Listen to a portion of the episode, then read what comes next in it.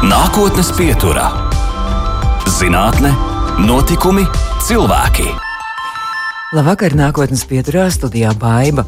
Un kamēr laika pa laikam sabiedrībā uzbango kaislības par šlāgeri, kā labu vai sliktu parādību, un Latvijas mūzikas mīļi dalās pa divās naidīgās nometnēs - šlāgeri piekritējos un tā noliedzējos, tikmēr mūzikas zinātnieku pasaulē šim populārās mūzikas žanram tiek veltīti nopietni pētījumi, preparējumi un diskusijas.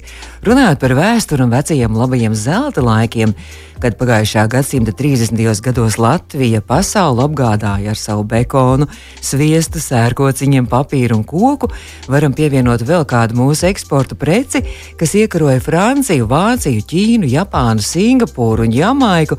Daugāpilī dzimušo tango leģendu Oskaru Stroku.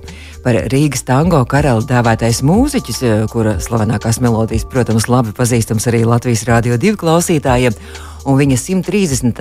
dzimšanas dienas gads iedvesmojas pirms pāris nedēļām Mūzikas akadēmijā rīkoto starptautisko zinātnisko konferenci Šlāgeris un populārā mūzikas kultūra 20. gadsimta 20. un 30. gados, un nākotnes pieturā konferences iespaidos un secinājumos dalīsies tās idejas autors Mūzikas akadēmijas profesors, mūzikologs, mākslas zinātņu doktors Jānis Kudiņš.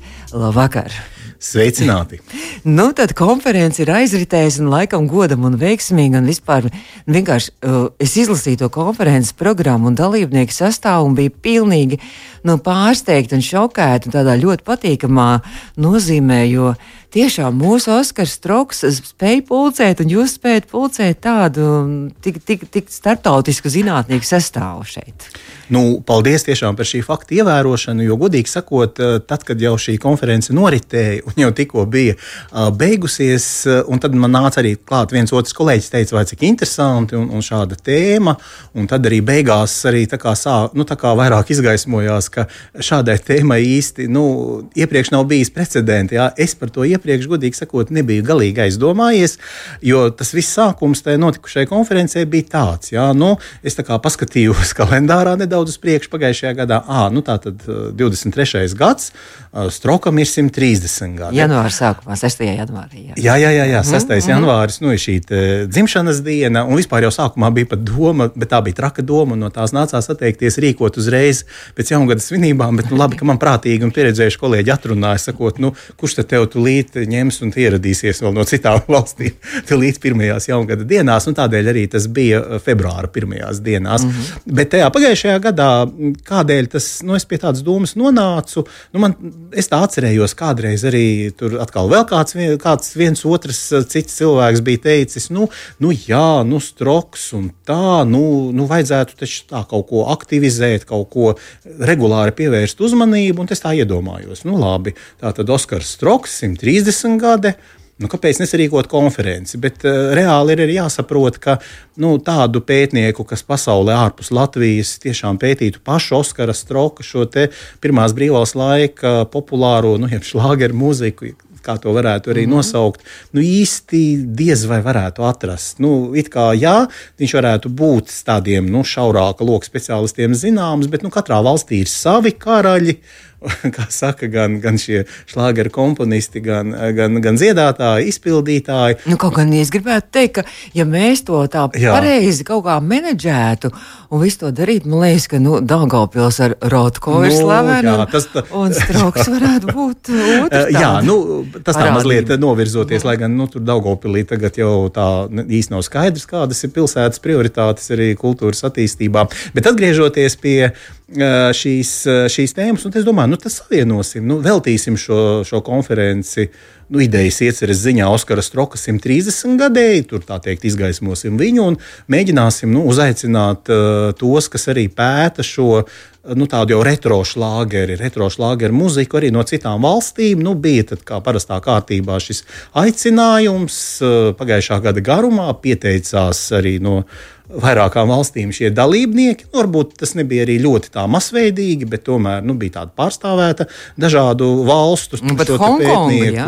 jā, jā, tur bija arī viens interesants eh, no Hongkongas, kas pēta arī šo retro populāro mūziku un salīdzina to, teiksim, nu, Taivānu un Ķīnu arī apmēram šajā pašā laika posmā. Tas bija tāds arī eksotisks piesitiens visā šajā norisē. Tiešām arī visiem mums šeit nu, klausīties tomēr šajā Eiropas galā, un tad tur mums rāda arī šos piemērus teiksim, no šī Āzijas gala, tas ir interesanti. Mm -hmm. jā, jo, protams, mūsu ausis arī kādiem momentiem uh, specifiskiem uzreiz nav pieradušas, bet tas bija interesanti. Nu, lūk, tā arī tā iecerē attīstījās. Nu, tā tad veltīts Troka 130 gadēji, nu, pašlāgeri. Nu, beigās sanāca, jā, tik tiešām nu, līdz tam muzikas akadēmijā nebija šādas ja, tematikas, varbūt tādas nu, konferences rīkotas. Zinātniskas, zinātniskas, nu, zinātniskas jā, jā, nu, tur piedalījās jā. reāli pētnieki no, mm -hmm. no vairākām valstīm, kas, kas šādu tematiku arī aptver savā. Arī Lietuvas, Igaunijas šlāgers arī tika iet. Jā, nu, nu, ziniet, ziniet, ar Lietuvu un Igauni arī bija tā, ka sākumā tur bija tā kā likās, nu, nebūs. Jo īstenībā, kad es tā palūkojos uzreiz, vienkārši tādā attālinātā skatā, gan, gan uz ziemeļiem, gan dienvidiem, es īsti tā neredzēju. Bet, nu, labi, ka pēdējā mirklī tomēr uzrādījās mm -hmm. arī šie, šie pārstāvju dalībnieki, nu, pieteicās un, un bija. Jā, jo nu, nav jau daudz, kas tieši ar šo tīri pētnieciski noņemās dažādās. Nu, bet mūsēji arī bija pārstāvēti, un, piemēram, man liekas, tā ļoti interesanta arī tēma. Nu, mēs sakām, šlāgers, šlāgers, bet uh, bija arī par operu dziedātājiem mūsu laikam, latviešu operi, kas, kas, jā, kas dzied, dziedāja šo šlāgeri. Jā, tas bija arī kolēģi Laima Melēna Bartkeviča, kura ļoti labi savienoja šo, šo nu, skatījumu, kā 30. gados mūsu slavenie operas dziedātāji, mūsu tenori, Maris Vētra vai mm -hmm. Artūrs Priednieks, kā Vara un citi, nu, viņi arī iedziedāja šajā šellaka platēs kādreizējās dažādus šlāgerus, arī stroka šlāgerus un, un, un citus. Nu, protams, tas arī skaidrs, kādēļ to darīt. Tā arī bija vienkārši iespēja iespēja arī kaut ko nu, piepelnīt, nopelnīt klāt, jo nu, šlāgers un populārā muzika tas mm jau ir mhm. skaidrs, ka tas viss arī saistās ar biznesu un vē, vē, vēlmi pārdot saka, šo mūziku. Nu, vēl, un, protams, arī man gribās arī vēl akcentēt arī to, ka, ka šlāgers eh, radio, kā tas skanēja, arī tas arī laikam bija viena lekcija par radio un šlāgeru. Uh, tas, jā, to daļēji skāra, ja nemaldos, arī no mūsu dalībniekiem Alberts Rokpēlnis. Tur to skāra arī vairāk, teiksim, dalībnieks no Igaunijas, kurš ļoti labi arī parādīja, kā Igaunijas presē un tajā publicētajās radioprogrammās teiksim, skanēja arī tās pašas Oskara Stroka, nu, tā laika Igaunijas radiofonā. Ja? Uh, bet uh, savu laiku arī, kad es izstrādāju šo 2019. gadā publicēto grāmatu, monogrāfiju par Stroku, es arī biju centies nu, savākt, cik var šo informāciju par kādreizējām Latvijas radiofona programmām, un tur bija tāda zināma viltība.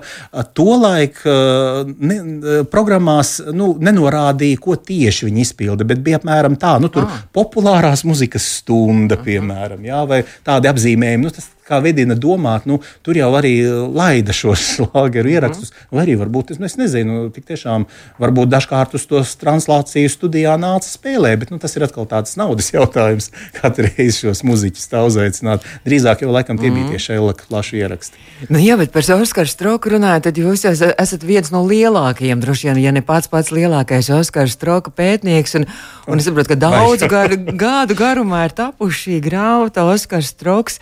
Tā tango karaļa mantojums, milzīgi apjomīga, tiešām monogrāfija, smaga, bieza, skaista. Uh, nu, kur, tur laikam ir pilnīgi viss par Oskaru Stroku dzīvi. Ai. Tur ir nošu fragmenti, tur ir, tur ir plates, uh, sabildētas, tur ir viss, viss. viss. Nu, pilnīgi samulst no šī pieteikuma pats lielākais. Nē, nu, es domāju, ka diez vai kāds tā varētu tomēr būt tik pašapziņīgs, lai teiktu, ka viņš tiešām ir lielākais.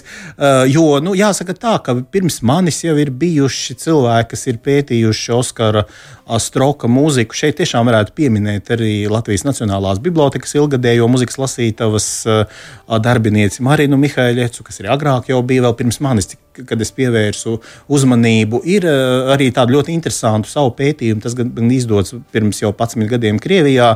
Rīgā dzimušais un sen jau Berlīnē dzīvojošais nu, pianists un arī vēsturnieks Dmitrijs Dragiļevs izdevis savu grāmatu, kuru man arī, starp citu, izdevās uzaicināt uz šo konferenci. Viņš arī tādu sniedza nu, tādu interesantu prezentāciju, jo, nu, lai arī Oskars Stroks ir dzimis Latvijā, Latvijas teritorijā un arī bijis Rīgas tango karalis, bet uh, biedrība, kas nodarbojas tieši ar Oskara Stroka nu, mūzikas tādu popularizēšanu, un praktiski un izglītojoši, ir nodibināta un jau vairāk nekā 20 gadus darbojas Vācijā, Berlīnē. Mm. Ja, un tad lūk, šis Dmitrijs Dragiļevs arī kā pārstāvis šajā konferencē interesanti vispār nu, pastāstīja arī, kā viņi tur savā galā šo to ir atraduši.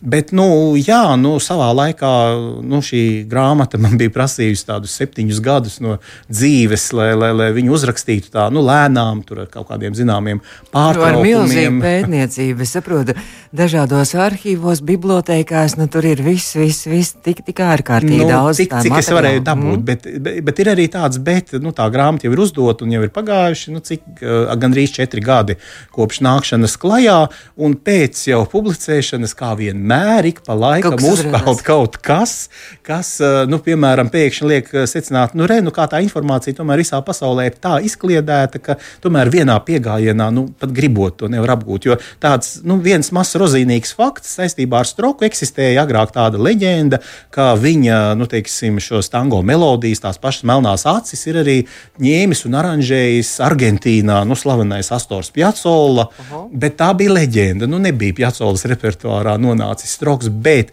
pirms kādiem gadiem, nu, diviem vai nepilniem trim, es pilnīgi nejauši uzdūros tur klejojot pa interneta dzīvēm, kā stroka šīs melnās acis bija lieliski aranžējis viens uh, cits uh, 20. gadsimta otrās puses, nu, 60., 70. un 80. gadu slavens arī nu, tango mūziķis, aranžētājs Argentīnā, tāds Florindo Sasone.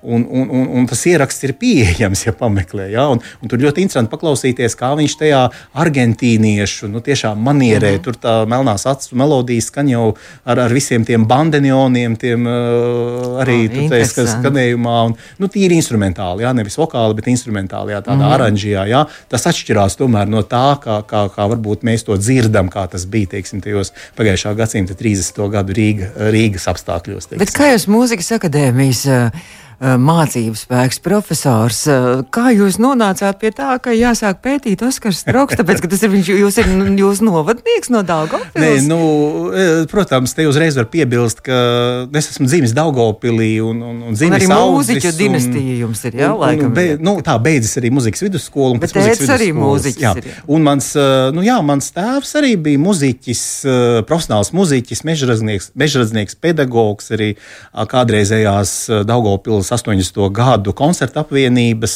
eh, nu, faktiski gan eh, līdzizveidotājs, gan arī mākslinieckais vadītājs. No tā jau arī nāk tādi varbūt mani dažādi šie pieredzes, nu, teiksim, mm. impulsi. Eh, un, un, nu, protams, tā tāda saistība ar muziku likās dabiska. Nu, tēvs ir muziķis, viņš jau arī centās ievirzīt muzikā, nu, un tad nu, tā, tā nu es ievirzījos muzikā. Sākumā kā instrumenta spēlētājs, un tad jau vēlāk uz studijas uzsāku muzikas akadēmijā jau muzikoloģijas programmā. Bet Oskars Stroks kā līdz jums nonāca? Oskars Stroks, nu, jāsaka tā, tā bija nejaušības daļēji, jā, jo kaut ko es biju dzirdējis, kad vēl nu, agrāk dzīvoju Daugopilī, jā, tādos nu, pusauģa gados, un kaut kur jau, protams, tas bija dzirdēts, jā, Oskars Stroks ir dzimis Daugopilī, bet uh, tad, kad nāca tā Stroka 120 gadi, nu, tas bija uz 2013. gadu, jā, un tad, kad tur parādījās šis te, nu, ziņas sākumā, nu, ka Rīgas Krievu teātris iestudē šo savu il, ilgu laiku popularitātes zenītā, pēc tam bijušo lūgu, jā, tango ar stroku. Un, un tad tur arī parādījās arī ziņas, ka Ilona Brūvere uh, veido šo savu dokumentālo spēli, tapieris, kas ir veltīta strokam. Un es tā vienā brīdī iedomājos, hm, nu, tas ir interesanti. Jā, un vispār viņš arī ir no, sanāk, nu, no Daugopils.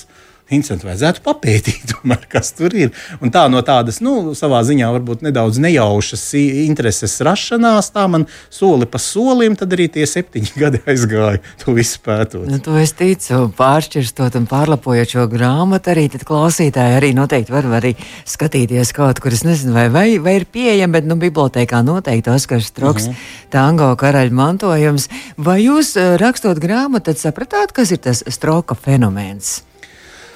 O, tas ir sarežģīts varbūt, jautājums, jo tādus fenomenus, nu, personības spilgtas, atsevišķas radošas, līdz galam iespējams nekad nevar saprast. Bet kaut kāda sava versija, protams, protams rodās. Un, un, un tas stroka fenomens, nu, nu, manuprāt, kā es arī tur savā grāmatā, tur ir tāda viena analīzes sadaļa. Nu, tas ir tāds jautājums, ka tur mēģina saprast, nu, no kā tad veidojās šī te, nu, stroka, tango, tas, tas neatvairājamais lipīgums, mm -hmm. to mhm. melodiju un tam līdzīgi.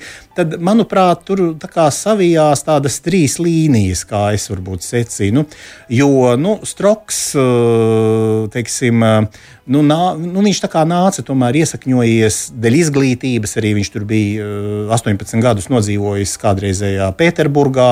Nu, tas bija pirms pas, Pirmā pasaules kara, jā, un tad viņam tāda mazliet tā krievu kultūras ietekme bija. Tad tur tā, nu, tāds varbūt smeldzīgums, kas nāk no tā saucamās tās pilsētas romances, kas ir tāds sens žanrs. Jā. Tad arī otrs moments, nu, viņš tomēr nāk no ebrejiem un tā klezmeru, tā, tā ebreju tā, mhm. tāda nu, tradicionālā, ja tā varētu nosaukt, jā, tautiskā muzicēšanas dzīvā tradīcija, kas noteikti arī viņa bērnībā bija labi dzirdēta. Teiksim, avotos tiek norādīts, ka arī viņa tēvs bija muziķis un, un, un, un, un tomēr arī nodarbojās un, un spēlēja un varbūt arī vadīja šos klezmeru ansambļus kādreizējā Dvīnskā, Dienaburgā, iepriekšējie Daugopils nosaukumi. Un tad šī līnija arī ļoti labi ir īstenībā dzirdama jau tajos 30. gadu tango dažādos aranžējumos, nu, kuros arī šī klezmeru muzikai raksturīgais tas violes smeldzīguma mm -hmm. tembra izcēlums, jā, vai, vai klarnetes tāda salda ieskanēšanās.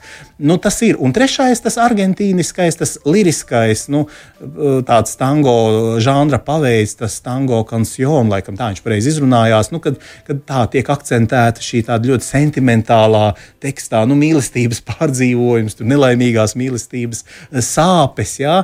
Un kaut kur jau viņš laikam to bija uztvēris, jo tango jau bija nu, tajā laikā, kad viņš bija bērnī, nu, bērnības gados un pusauģa gados, un pēc tam arī pārcēlies uz Pēterburgu. Nu, tas jau bija tas laiks, kad tango uz to Eiropu platā straumē plūda nu, notis arī agrīnākie dažādie ieraksti, nu, tā popularitātes pirmais vilnis. Tad, nu, es to varētu tā mēģināt skaidrot, nu, ka tīri tas varētu būt tāds viņa šo tango melodiju fenomena skaidrojums. Bet, protams, nu, līdz galam to man liekas nevar ar vārdiem izskaidrot arī. Nākotnes pieturā. Turpinām nākotnes pieturu, un nākotnes pieturas viesis šodien ir mūzikas akadēmijas profesors, mūzikologs, mākslas zinātņu doktors Jānis Kudiņš, un arī uh, Jānis Kudiņš darbojas mūzikas akadēmijas zinātniskās pētniecības centrā, un savulaik bijis arī tā vadītājs. Nu, tad mēs varbūt arī par citu mūziku, ko jūs pētat, ne tikai Oskaru Strauku jūs pētat. Un arī uh, viens no tādiem virzieniem ir, uh, ko varētu arī mēs tā definēt, arī par operu mūzikas žanru. Jūs arī diezgan padziļināti esat rakstījis un arī interesējies un tiešām pētījis. Un es domāju, te atkal būs pārsteigumi mūsu klausītājiem, jo, jo, jo kā mums tā, nu, tas ir tā kā uh, visiem ļoti labi zināms, ka mūsu pirmā nacionālā opera ir Baņuta un, un Uguns un Nakts. Tās ir tie operas mums, jā, tie pirmsākumi, bet izrādās, ka Latvijas opera, Latvijā opera jau ir rakstīta jau 18. gadsimtā. Nu jā, nu tā ir. Uh, uh, nu te atkal tāda maza atkāpe. Es muzikas akadēmijā vadu lekcijas tādā studiju kursā Latvijas muzikas vēsture muziķ, muziķiem topošiem uh, bakalaura uh, līmenī. Un tad kādu, kādu laiku atpakaļ arī man ienāca prātā doma, ja nu, tur arī ir jāskar viss šis opera muzikas kā, slānis. Es kā, domāju, nu, cik vispār interesanti ir to operu Latvijas muzikas vēsturē nu, līdz šim. Ja? Un tad, šis, un tad šī jautājuma uzdošana man beigās uzvedināja atkal sākt nedaudz rakāties un pētīt un eh, konstatēt, nu, ka dažādu iemeslu dēļ tik tiešām nu, ir nostiprinājies nedaudz stereotipisks priekšstats. Uh, Alfrēda Kalniņa opera Baņota, Jāņa Mediņa Uguns un Nakts. Nu, pirmās, bet te ir eh, vienmēr mazliet jāatcerās pirmās kādā nozīmē. Nevis pirmās operas, kas vispār ir tapušas Latvijā, bet tās ir operas, nu, kas savā laikā ieguva šo nacionālās klasikas tādu. Mm -hmm. nu, nu, neformālo titulu. Tas jau nav nekur ar papīru, kā saka, nu, pierakstīts klāt un, un parti, partitūrām. Bet nu, tā, nu, kā pirmās tādas nacionālās klasikas, jā, tādas titulu ieguvējas, un arī pirmās, jo pēc viņām jau mēs 20. gadsimtā varētu atrast vēl kādu vienu otru operu, kas arī jau kļūst par tādu kā nacionālās nu, klasikas paraugu. Jā. Bet nu, tas nenozīmē, ka tik tiešām līdz šīm divām operām nav bijušas arī citas. Un tā atkal sākot tā rakt un sākot sākot apzināt, ko jau arī teiksim, citi cilvēki līdz šim ir izteikuši. Piemēram, nu, tāds uh, iepriekšējo gadsimtu, 18. gadsimta mūzikas slāņa entuziasts. Uh, uh, diriģents Māris Kupčs arī jau labu laiku uzsver par uh, šo, šo domu, nu, ka daudz kas ir jau arī bijis šajos iepriekšējos gadsimtos. Tas nav pētīts tā īsti. Nu, īsti pētīts mm -hmm. nav, bet vismaz šādā veidā mm -hmm. ir mhm. izcelts dienas gaismā, un viņš jau arī uh, savā laikā izcēla, lūk, ir bijusi kādreizējā šī kurzemes zemgales hercogiste, un, un tad tur ir bijis viens otrs, tomēr arī kapelmeistars komponists. Bet vācu izcelsmes, jā, tie protams, pat ne, pat ne izcelsmes, bet tā kā toreiz nu, brauca no Vācijas kalpot ah. strādāt. Jā. Un tad, nu, teiksim, parādās Feichtners, jā, jā, Feichtners. Un tad parādās 18. gadsimta jau otrajā pusē, uh, kurzemes hercoga galmā šis kapelmeistars, violnieks un arī komponists Francis Ādams Feichtners. Un tad nu, no vēsturiskā fakta viedokļa sanāk, ka viņš ir pirmo zināmo operu, kas ir tapušas mūsdienu Latvijas teritorijā, autors tās, tās operas, ko viņš bija komponējis galmā un kas arī galmā ir bijušas Aha. uzvestas. Nu, tas mm -hmm. ir atskaites punkts, un tad ir vēl turpinājums vēlāk. Arī. Nu, tur vēl ir bijis kāds arī Vācijas Dorns, arī, arī, arī Henrijs Dorns, kas arī desmit gadus bija nodzīvojis Rīgā, un pēc tam atkal aizbraucis atkal uz, uh, uz Vāciju un, un, un arī citurieni. Bet šeit, kamēr viņš uzturējās, viņš arī pagūda komponēt uh, un uzvest divas savas operas. Starp citu, arī otrā viņa opera tikai nesen ir atrasta nu, tās partitūra, un tad arī teiksim, mana kolēģe, arī muzikas vēsturniece Lorita Furmane, nu, ir sagatavojusi publikāciju, kas pavisam drīz jau pēc dažiem mēnešiem nāks klajā par to. Tātad līdz baņotai, līdz, līdz ugunī un naktī tomēr ir bijušas jau arī, arī daži latvieši rakstījuši. Jā, jā, gan šīs mm. vāciskās, gan arī latviskās. Nu, atkal latviskā it kā zināms fakts šis te Tā tad 1893. gads un nāk klajā Jēkaba Ozola operas dziesmu spēle Spoku stundā. Nu, viņi tiek uzvesti toreizējā Rīgas Latviešu biedrībā, tās teātrī, bet negūst panākumus. Pēc tam viņu nokritizē, ai, nu nav jau tur nekas daudz izdevies, tā jau īstenībā nav opera. Un tā arī tā kā mazliet tādā nu, aizmirstībā, tādā marginālā viņa ieslīd. Tad tur parādās vēl kāds personāžs, tāds aktieris, operas dziedātājs Indriķis uh, uh, uh, Podnieks, kas uh, tā tad uh, komponē arī operu pēc Raiņa, Lūgas, Hindulis un arī, un to arī uzved, tikai atkal tavu nelaimi. Nu, tā nu sagadās, ka viņš pazūd no Latvijas kultūras Pirmā pasaules kara laikā, nu, pēc kara paliek Vācijā, un, un tur ir aiziet mūžībā, un šīs operas partitūra uh, mūsdienās vairs nav atrodama. Ja? Kā, tas mm. ir tāds process vēl līdz tai baņutai un ugunī un naktī, kas parāda, nu, viņas neparādījās tā gluži pēkšņi uzreiz, ja? bet pirms tam jau bija precedenti, bija piemēri, nu, viņi vienkārši ir aizmirsti. Jā. Es lasīju, ka jūsu pētījumā Kārlis Martinovskis, kuram pat septiņas operas Jā, bijuši, Kārlis Martinovskis, kas varbūt vairāk tādā nu, profesionālajā lokā ir zināms kā kā kordiriģents, kordziesmu autors.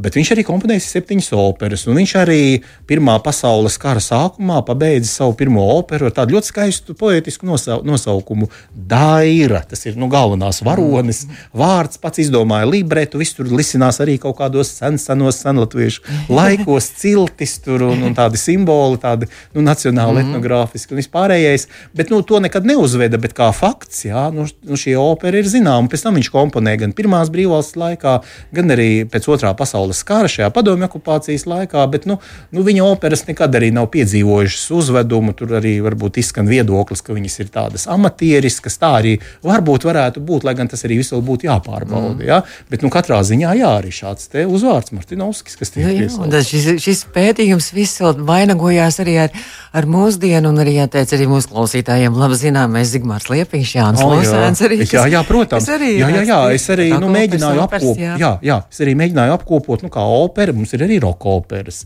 Nu, nav viņu jāsanāk tomēr daudz, tie 70, 80 gadi. Nu, mums tur sanāk četras pabeigtās, uzvestās. Mm -hmm. tad jau nu, atjaunotā Latvijas neatkarība 90, 2000. Faktiski, jā, nu, mēs varam runāt par Lūsēnu, nu, mēs varam runāt arī par Mārtiņa Brauna maugli, kas tajā mhm. atjaunotajā pirms dažiem gadiem, jā, šajā versijā arī tika nu, jau pieteikta kā rokopera. Tas ļoti citu, interesanti, jo tad, kad pirmo reizi maugli uzveda Dailas teātrī, tad to nesauca par rokoperu, un arī toreiz pat tādas kā domas mm. nebija. Nu, bija kaut kādi, cik var saprast, pārveidojumi nedaudz arī partitūrā, nu, kas varbūt ļāva arī to šādi pamatot. Un tad nu, mēs nonākam pie šī cipara, ka vismaz es tā līdz šim apzinājos savā pēdējā pētījumā. Nu, mums līdz šim 2022. gadam, nu, tas bija tāds mans tā kā, uh, punkts, jā, mm -hmm. pielikšanas, nu, ir 132 pabeigtas operas bijušas komponētas. Gan uzvestas, gan neuzvestas. Jā, nu, tur ir arī tās neuzvestās, mm -hmm. protams. Tur ir arī šīs te arī,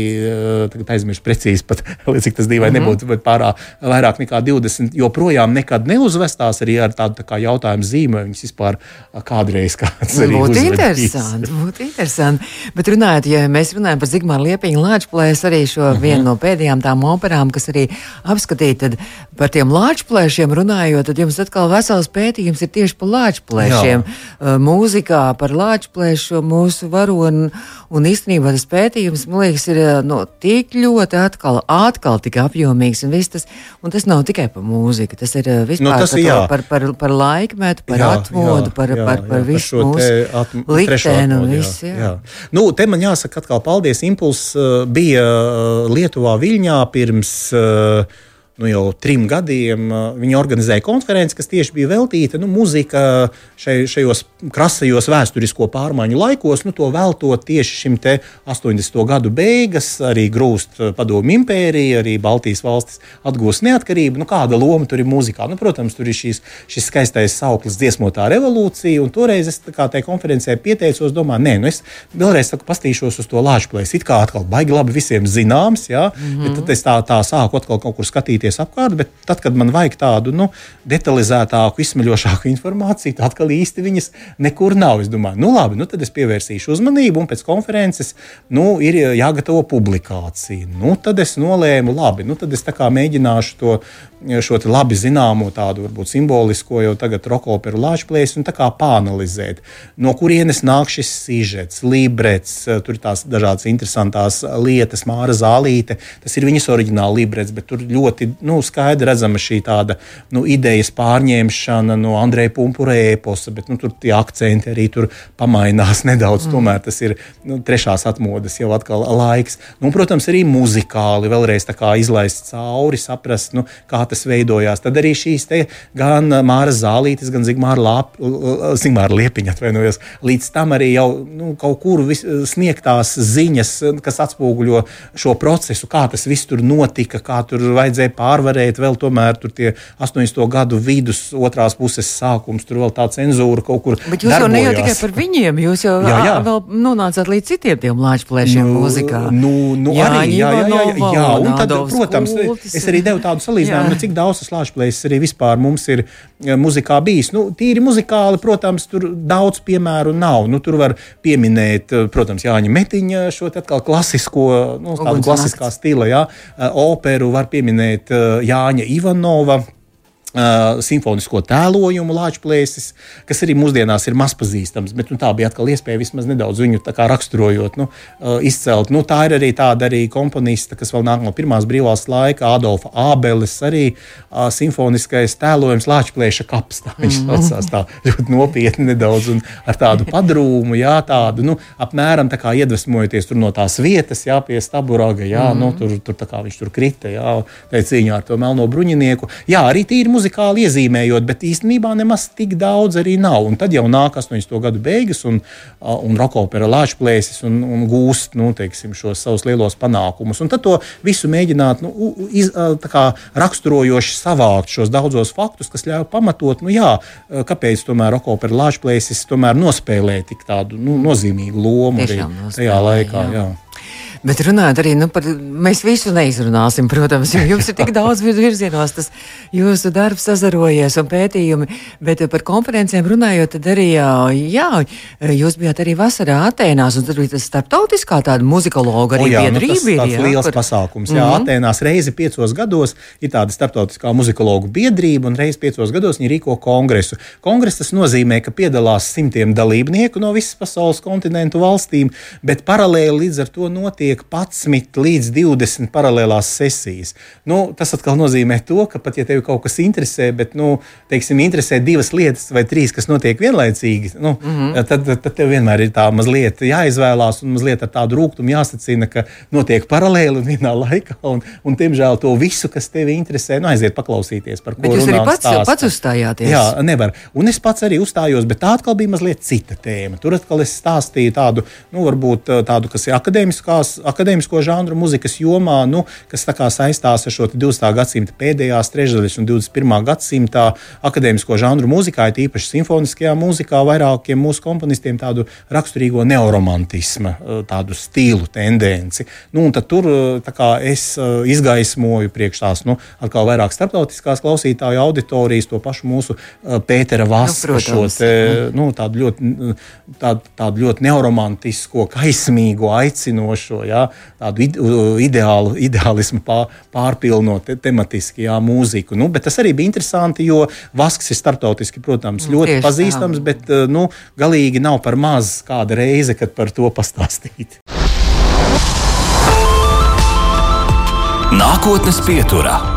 Un nākotnes pieturā, diemžēl. Notikumi, cilvēki. Jā, diemžēl turbojas jau savai izskaņai mūzikas akadēmijas profesors, mūzikologs, mākslas zinātņu doktors Jānis Kudīņš šobrīd ir mūsu studijā. Un tikko skanēja arī šī dziesma no kinofilmas. Un nu, to komentāriņu, kāpēc, jā, kāpēc es izvēlējos? Jā. Ļoti īsi atlikušajā laikā.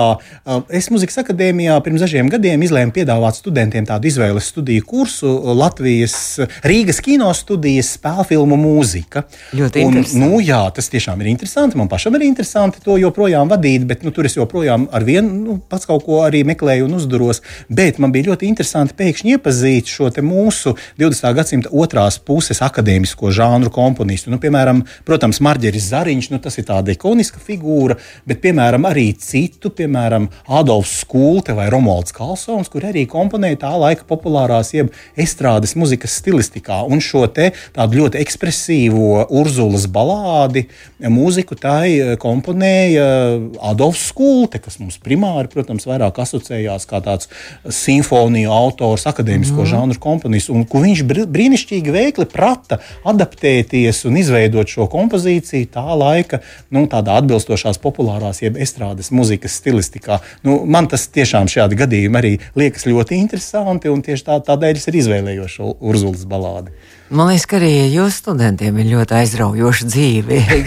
nu, cerams, aizrautīgs profesors. Un, nu, tik, cerams, tik interesants jā. arī dažādas tos uh, rakurs un, un, un pagrieziens un pavērsiens meklē mūzikā. Jā, nu, cerams, ka tā ir. Kāds jums ir nākamās idejas, ja atkal kaut kādai pētniecībai, kaut kur, kur atkal jūs tā pamazām tikai sāksiet un tad atkal jā, ieraksieties? Nu, ir man, ļoti... protams, arī tādas ieceres, tādas, uh, nu, varbūt visu neatklājot, bet nu, man ir arī domājot par to iepriekš pieminēto trešo atmodas posmu un tomēr piesaukto šo dziesmoto revolūciju, eh, man tā kā gribas atkal nedaudz iedziļināties arī varbūt dažos atsevišķos piemēros, nu, kas to īsti pamato. Jo it kā mēs lietojam, lietojam, mm -hmm. runājam, bet savu laiku arī ar tādiem kolēģiem arī Lietuvā eh, un Igaunijā eh, tā pieskaroties šim jautājumam, mēs secinājām, nu jā, šis skaistais teiciens aizgāja un, un, un tā kā tekstos nostiprinājās, bet trūkst atkal tādu skaidrojošu pētījumu, nu, nu kā tas īsti arī tajo, tajos straujajos trešās atmodas gados bija. Nu, kāda bija tā muzika, kas toreiz skanēja, kas viņi izvēlējās? Tā bija nejaušība, tur tās